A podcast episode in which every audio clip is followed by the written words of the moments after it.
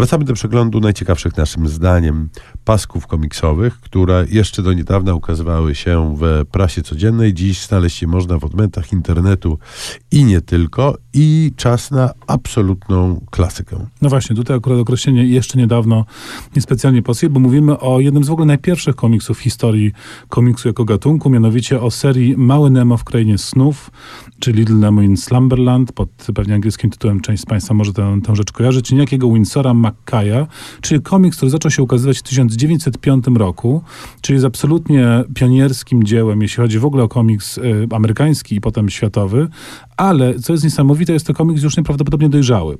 To się ukazało na ostatniej y, dużej stronie, no, tam przynajmniej dwóch tytułów amerykańskich, taki pełnostronicowy, kolorowy, wielkoformatowy y, komiks jednoplanszowy. Historia jest z pozoru prosta, zawsze mamy opowieść, jakąś niezwykłą przygodę małego Nemo, który przeżywa surrealne perypetie w swoich snach i zawsze na ostatnim kadrze budzi się, nie wiem, spadając z łóżka, wstając, krzycząc, rodzice go budzą. Natomiast to, co jest niesamowite i co, co budzi ogromne zdumienie, to to, jak nowocześnie jest to narysowane. Niesamowite jest na przykład użycie kadru e, w, w tym komiksie, zupełnie e, nowoczesne i zupełnie e, rewolucyjne w stosunku do tego, co jednak robiono w owej epoce. A od jakiegoś czasu można czytać Nemo w polskim wydaniu. Ukazało się dość o niewielkim nakładzie edycja zbierająca wszystkie plansze w, w trzech tomach.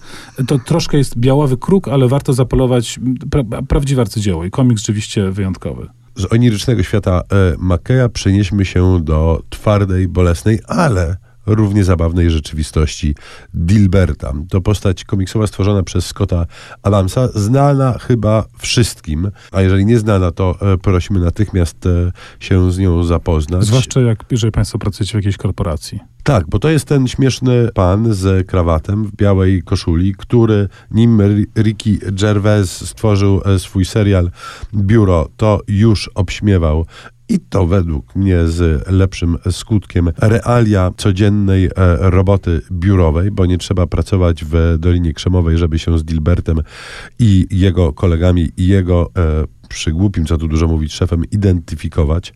Są to rzeczywiście absolutnie uniwersalne rzeczy o no, przede wszystkim głupotach, jakie można spotkać w trakcie wykonywanej etatowej biurowej pracy. Tak, to pokazuje, że czy korporacje, wielkie firmy międzynarodowe, czy też po prostu jakieś małe urzędy, pewne rzeczy są dość uniwersalne. W zupełnie innych realiach dzieje się inny komiks. Znowuż w Polsce, znaczy Dilbert akurat y, w Polsce ukazywał się i w formie prasowej i książkowej, natomiast komiks następny, ostatni, który zamyka naszą dzisiejszą piątkę, Hagar Straszliwy, rysowany przez Dicka Browna, ma jakąś takie efemeryczną, jak dotąd, obecność w Polsce. Ukazywał się kiedyś na ramach jednego z dzienników, ale chyba z tego, co wiem, formy książkowej nigdy nie uzyskał, aż szkoda, bo to absolutny klasyk, cudowny komiks, klasyczny komiks paskowy, rysowany prostą, szybką, bardzo efektowną y, kreską, dziejący się w y, czasach, jak sam tytuł Hagar, straszliwy.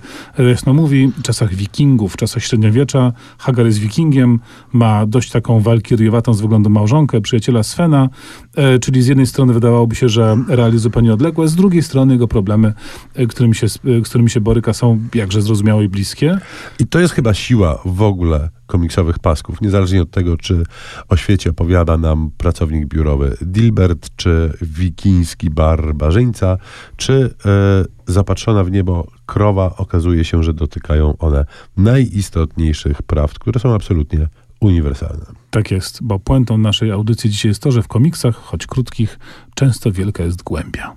Hagar był wikingiem, a komiksowo najbardziej znanymi starożytnymi bohaterami są oczywiście Asterix i Obelix. Posłuchajmy zatem muzyki z filmu Asterix i Obelix kontra Cezar, skomponowanej przez Orlando Romanelliego i Jacques'a Goldmana.